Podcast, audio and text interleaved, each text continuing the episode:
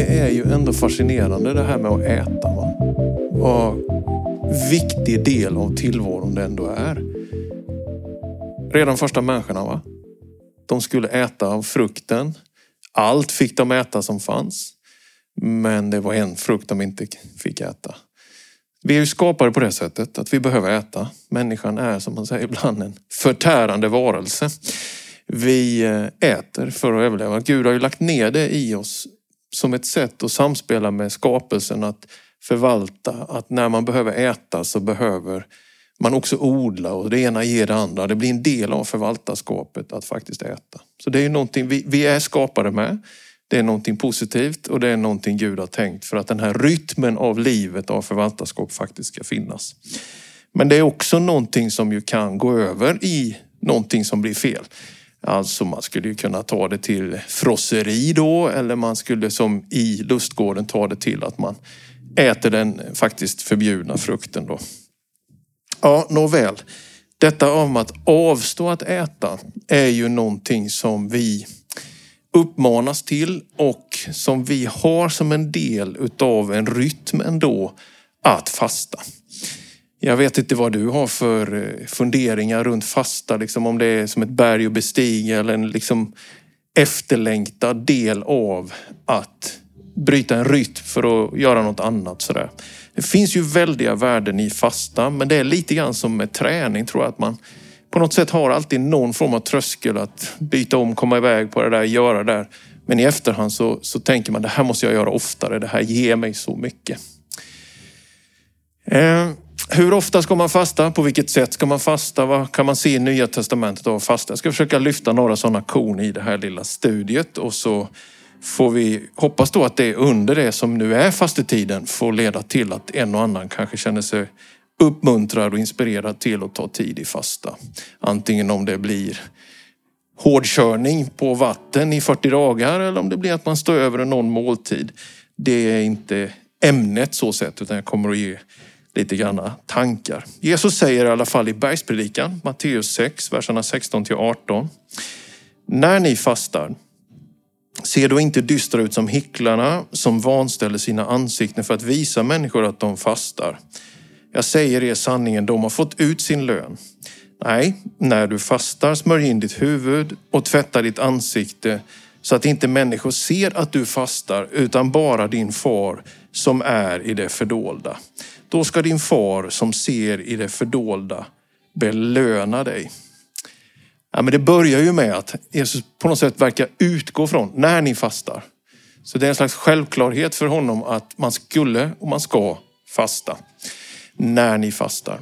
Och Gamla testamentet har faktiskt en fastedag per år påbjuden. Det är det gamla testamentet, man skulle fasta en dag per år. När vi är vid Jesu tid så sa fariseerna att du skulle fasta en dag i veckan och det fanns ganska mycket mer, vad ska man säga, krav runt det här i det som blev rabbinsk judendom. Och sen ser vi i Nya Testamentet att vi får inte instruktionen att du ska ta så här många dagar per år eller du ska göra på det här sättet. Utan det är mer du ska fasta, men det verkar inte vara så att vi får en supertydlig instruktion. Det kan jag själv tycka är skönt. Det kan jag tycka är en välsignelse faktiskt. Att du uppmanas till det. Det är någonting som välsignar dig och hjälper dig. Men det är inte så att det ska bli till en lagiskhet eller ett tvång. Och Jesus säger till exempel att nej, men det här med att fasta, det ska också vara någonting av det fördolda. Någonting inre, någonting av att söka Gud i stillhet. Någonting av att dra sig undan. Och han säger att du ska inte liksom se blek och glåmig och hängig ut och försöka få folk att tycka åh vad, vad han eller hon är from och andlig och står liksom i, i gathörnen och vill att folk ska se hur mycket man ber eller fastar. Vi vet att Jesus går ju hårt emot det, han gör det här också. Utan han säger istället, smörj in ditt huvud, tvätta ditt ansikte så att inte människor ser att du fastar. Så vi kan liksom uppmana varandra till att fasta. Men man ska inte vara sådär väldigt noga med att göra det som sin Facebook-uppdatering. Åh, jag fastar. Åh, jag fastar, jag ber. Och hamna i det läget. Det är som att då förlorar det ändå lite grann av sitt syfte. Det var aldrig tänkt för att vi skulle bli imponerade av det. Utan det är någonting Gud har gett för att bryta en rytm och istället komma närmare honom. Inte komma närmare människors bekräftelse utan att komma närmare honom. Att stå fasta då. Lite ordväxling här. Att stå fasta i tron är det som är det viktiga. Det tillhör det fördolda och det tillhör på något sätt ett inre vandrande med Herren. Det är inte en hungerstrejk som jag uppfattar det i Nya Testamentet. Det finns ju ett tillfälle när de är på det här skeppet på Medelhavet i slutet av apostlagärningarna när de inte äter tror jag på 14 dagar. Det verkar vara lite sådär mer eh, ofrivilligt påbjudet för situationen som är. Utan det finns något annat med fastan. Den är liksom en möjlighet och den är erbjuden. Och du ska fasta kan man säga, när ni fastar. Men det är ändå någonting du får kliva in i själv. Och det finns inget tvång och det finns inget på det sättet krav. Utan det är, det är en upptrampad väg, precis som bönen, förbönen, nattvardsfirandet så är fastan en del i det. Vi ska titta om en liten stund på några sådana exempel. Jag tänker att fastan är ett jättebra, på något sätt kalibrerande att egentligen inte påverka Gud utan låta sig påverkas av Gud.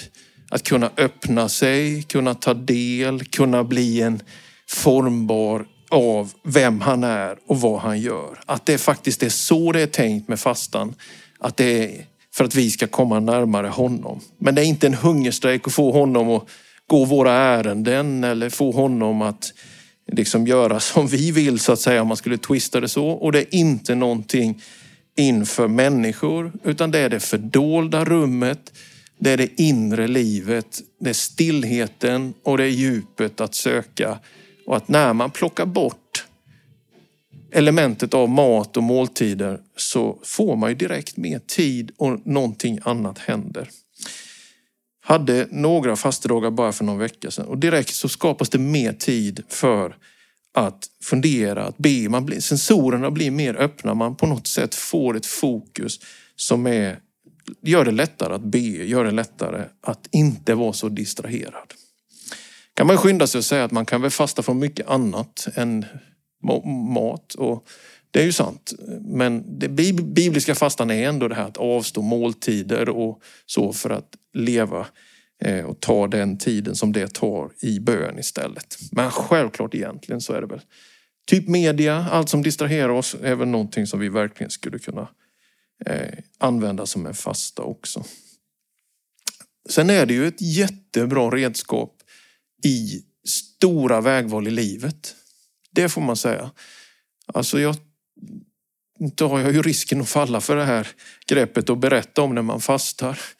Men bara för att exemplifiera så tror jag ändå man kan säga att de här stora liksom förändringarna i livet, när man ska anta något nytt eller det är någon, ja, men riktigt stora liksom crossroads eller skiften i livet, så har jag ändå försökt att också ta tid i fasta och bön.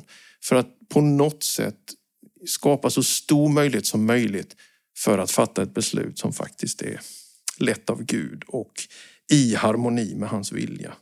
Så fasta kan vara någonting pågående för att liksom rent allmänt komma närmare Gud eller kunna öppna sig mer för honom. Men i de här stora vägvalen i livet är också fastan ett väldigt bra exempel på att en hjälp att liksom kunna upptäcka Guds vilja i ens liv. Den är ju också ett vapen kan man säga, eller kanske fel ord att säga vapen, det låter direkt militärt, men ändå det är ju en kraftfullhet i, i fastan som gör att på något sätt saker och ting flyttar sig i den andliga världen. Det hjälps inte, det finns ju ändå sådana exempel. Nu ska vi titta på några bibelexempel och, och gör det ganska kort. Men det är mer på det här temat att se att jo, men det är ganska mycket fasta även i Nya Testamentet, även om vi har det på det här sättet att det liksom uppmuntras till det utan att slå fast exakt hur det ska göras. Markus evangeliets andra kapitel, 18 versen står det så här. Markus 2 och 18. Johannes lärjungar och fariseerna fastade. Då kom några och frågade Jesus, varför fastar Johannes lärjungar och fariseernas lärjungar men inte dina lärjungar? Och Jesus svarade, bröllopsgästerna kan väl inte fasta medan brudgummen är hos dem? Så länge de har brudgummen hos sig kan de inte fasta, men det ska komma dagar när brudgummen tas ifrån dem och då på den dagen kommer de att fasta. Så här ser man Johannes döparens lärjungar, fariseerna, de har den här mer ja, fariseiska då rytmen av att fasta ofta. Det verkar inte lärjungarna ha gjort till Jesus. Men Jesus säger ändå att det kommer komma tider när de fastar. Så där har du ett tydligt exempel. Vi kan läsa i Matteus evangeliets fjärde kapitel så får vi ett exempel också. Och i Matteus 4 och vers 2 så står det ju det här klassiska som ju har bildat eh, förebild till fastetiden i klassiska traditionella kyrkor också. Och det är ju Jesus då. Matteus 4, ja vi kan läsa från första versen. Sedan fördes Jesus av anden ut i öknen för att frestas av djävulen. När han hade fastat i 40 dagar och 40 nätter blev han till slut hungrig. Ja, det var väl ett konstaterande ändå att han kunde ändå göra det i 40 dygn, men till slut blev han hungrig. Jag känner att jag hänger nog inte med riktigt på Jesus nivå här, men, men eh, det är ju fascinerande.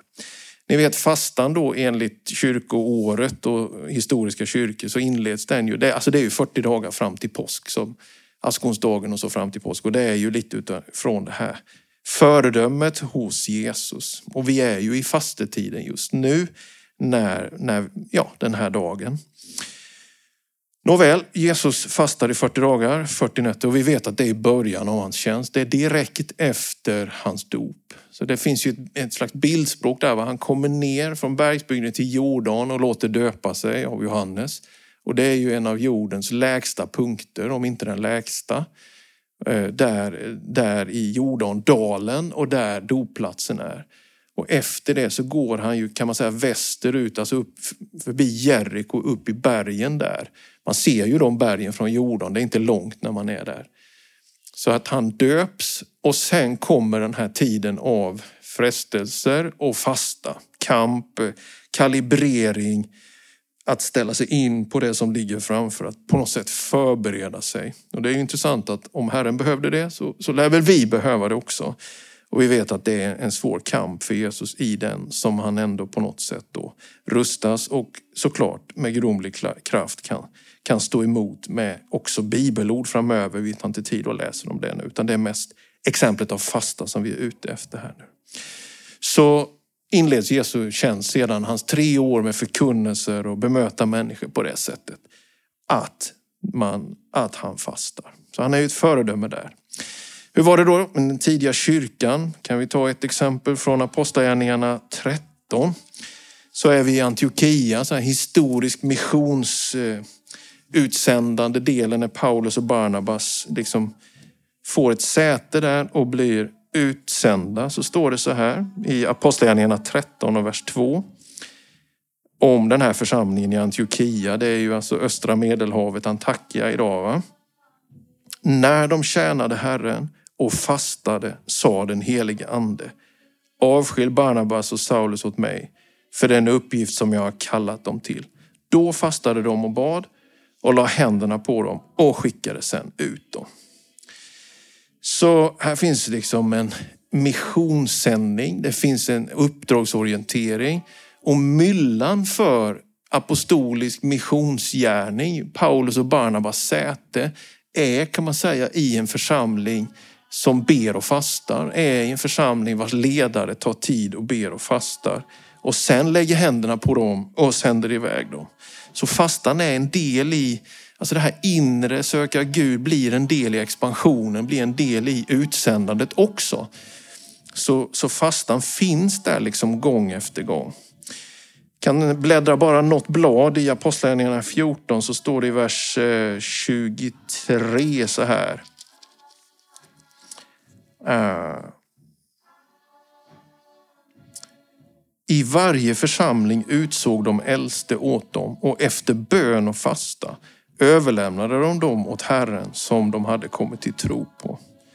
Så när den här missionsinsatserna börjar, med Paulus och Barnabas första missionsresa, så, så är det ett mönster att man ber och fastar innan man tillsätter ledare. Så, så fastan var en del kan man säga i församlingsledarskapet också. Och, och det hade en stor betydelse. Vi kan läsa då i Apostlagärningarna 27 och 33 om den här möjligen ofrivilliga fastan eller vad man ska säga. Det var i alla fall under svåra villkor med den här stormen som de är i en båt och det står i 33 versen i Apostlagärningarna 27 så här. Strax innan det började dagas uppmanade Paulus alla att äta. Han sa i 14 dagar har ni nu väntat och varit utan mat och har inte ätit. Därför uppmanar jag er att äta. Ni behöver det för att bli räddade, för att ingen av er ska mista så mycket som ett hårstrå på sitt huvud. Och sen blir det som, nästan som en nattvardsstund där. När han hade sagt detta tog han ett bröd, tackade Gud inför dem alla, bröt det och började äta. Då fick alla nytt mod och tog sig mat, de också, de här 276 människorna som var på det här skeppet. Och det sista exemplet som vi kan ta är från Apostlagärningarna 10 och det är ju den romerske officeren Cornelius. Det står ju till och med om honom någonting. va? Apostlagärningarna 10 och i vers nummer 30 står det så här. Cornelius svarade, för fyra dagar sedan, just vid den här tiden, den, tid, den nionde timmen var jag här hemma och bad. Då stod plötsligt en man i skinande kläder framför mig och sa Cornelius, Gud har hört din bön och kommit ihåg dina gåvor. Eh, och i början där så står det om honom i början på kapitlet att han var from, han fruktade Gud, han bad alltid till Gud. Nu finns det lite olika översättningar och där finns det då exempel på översättningar där det också står att han bad och fastade. Eh, och det där är också en grej som dyker upp i Markus. Det finns en, en oren ande som drivs ut och Jesus säger att den där kan bara drivas, den sorten kan bara drivas ut med bön. Och då finns det en del översättningar som har bön och fasta. Men i, i de grundtexter, eh, textus receptus och sådär så finns faktiskt inte fasta med just i det eh, i evangelierna. Men i alla fall ser man att fastan är, dyker upp, det är det som är min poäng. Fastan dyker upp på den ena platsen efter den andra i Jesu liv, i den tidiga kyrkans liv och man ser att de som sökte Gud var öppna för den här typen av praktiker. En liten kort paus i det här liksom bibliska orienterandet och så om man bara tittar ut lite i samhället så är det ju väldigt mycket fokus på det här. Ehm, alltså, det finns dieter som bygger på någon form av fasterytm, att man ska ha ganska kort fönster när man äter för att på något sätt få kroppen att eh, agera på ett annat sätt. Vi har det engelska ordet för breakfast, breakfast, bryt fastan. Ehm, att vi fastar ju alla på nätterna när vi sover och, och så vidare. Det finns en, en, en hälsotrend kan man säga där fasta är en del. Den bibliska fastan den har väl säkert sina positiva hälsoeffekter men har ju ett andligt syfte att, att på något sätt komma bort ifrån egot, att på något sätt tjäna andra och tillbe, att inte bara se till sina egna fysiska behov utan på något sätt hitta en, en, en, en, en harmoni inför Gud. Eh, återigen så Jesus uppmanar oss att smörja vårt huvud när vi fastar. Det betyder köpa en ny skjorta, gör något som är roligt, försök att liksom leva ut det som är, att, att inte liksom det yttre är det viktigaste, att människor vet om det och sådär, utan det är verkligen det fördolda. En dag är brudgummen borta, sa Jesus, då kommer mina lärjungar också att fasta. Och jag tror väl att fasta är en, en del i att orka hålla ut och det är vi har olika nivåer av bönen. Va? Bönen Fader vår, den tar väl 30 sekunder att be. Jesus bad en timme med lärjungarna i ett seman. Han bad nätterna igenom ensam. Och, och fastan är väl kanske i det här lite rejälare, kalibrerade, andliga materialet vi har att använda. Och därför, till dess att Jesus kommer, så kommer också den kristna kyrkan behöva fasta. Man hör nu om ryska ledare i pingstunionen, säkert andra sammanhang också, men det är de jag hör ifrån. Och i Ukraina såklart. Väldigt många som ber och fastar just nu för att det ska bli fred. Alltså man, man på något sätt, det är det man, det är det man har att ta till. Liksom. Det finns också exempel och det är ju kanske lite tydligare i Gamla Testamentet att, att eh, i Joel till exempel står det 2.15. Blås i basun på Sion, pålys en helig fasta, utropa en helig sammankomst. Då var också liksom folket i en allvarlig tid. Det behövdes både omvändelse och förvandling, förändringar. Och då utlyser man med den här basunen liksom att alla, nu måste alla fasta en helig sammankomst. Så att det finns någonting av tyngd, av klarhet, av, av förändring. Och i de här livets stora liksom, skiften och vägskäl så är fastan en viktig beståndsdel att leva med. Ja, några få korta praktiska tips också. Jag tror att inte man ska tänka då att det är en hungerstrejk för att få Gud att göra det man själv tycker, utan det är snarare att öppna sig för honom. Och det är inte heller en bantningskur. Men det finns ändå lite fysiska tips för att tänka på vad det kan vara. Jag tänker att ett bra praktiskt tips det är att bara stå över en måltid. Att på något sätt testa och växa in i det på det sättet. Det finns någonting som kallas Danielfasta som är i så fall 21 dagar, tre veckor. Och då enligt liksom lite från Daniel i Gamla Testamentet och att äta och kanske avstå vissa saker som kött och annat. Det klassiska i kyrkoåret är ju att man fastar eh, sex dagar men faktiskt inte på söndagar. Så även om man fastar så kan man ta kyrkfikat. Eh, men man fastar de andra sex dagarna. Och nu vet jag att det är också olika hur mycket man gör det. Om man ska gå till hel fasta, att man bara fastar med vatten. Nu vet jag att det till och med finns de som inte ens ska dricka vatten medan man fastar och det tycker jag ju verkar olämpligt. Men, men om man ska gå ner emot vattenfasta då behöver man ju några dagar av att ställa om kroppen. Är man kaffedrickare som, som jag är, om man känner att det är så att man ska sluta dricka kaffe, då får man huvudvärk och då kan man inte eh, vara helt i farten tror jag. Alltså dag två, tre eller kanske tre, fyra i ett sånt att eh, gå ner för landning och byta bort allting av att äta och att dricka något annat än vatten, då, då kommer kroppen vara i uppror på något sätt. Det är nog bara att veta det. Då kommer man liksom ha migrän, kanske huvudvärk, vad vet jag. I alla fall kommer det vara en väldig omställning. Däremot, och när man har kommit igenom den fasen, om man så att säga gör en, en, en så rejäl fasta, låt säga att man skulle fasta i tre veckor på vatten bara. Så dag, vad ska jag säga, dag 6, 7, 8, 9, 10. Det är ofta nästan euforiska dagar. Det är någonting med kroppen som gör att man mår väldigt, väldigt bra. Man, man tänker klart, man kan göra olika saker. Alltså man, man kommer igång. Det är märkligt alltså men, men det här att man äter och äter, det, det saktar ner en på något sätt och det tar energi. Så när man har kommit igenom en sån landningsfas så kommer en, en väldigt stimulerande fas i fastan. Och sedan så är det ju så att man på samma sätt som man trappar ner inför en rejäl fasta så måste man också trappa upp. Man kan inte liksom, när man bryter fastan så kan man inte kanske äta helstekt gris, i varje fall inte hela den helstekta grisen. Utan man, man måste på något sätt trappa upp och, och ta det bit för bit. Och det där finns så här, recept eller rekommendationer till hur man ska göra det där. Ja, jag tror i alla fall att fasta är någonting som man ju mår bra av säkert, men det har med vår vandring med Gud att göra. Det är någonting i det som gör att man lite lättare kan öppna sig för, för honom. Att fasta handlar om att avstå någonting för att faktiskt själv kunna förändras. Men när man ber och fastar så kan också saker och ting och förhållanden förändras. Så fastan är en möjlighet, ett erbjudande. Det är någonting vi kan leva med.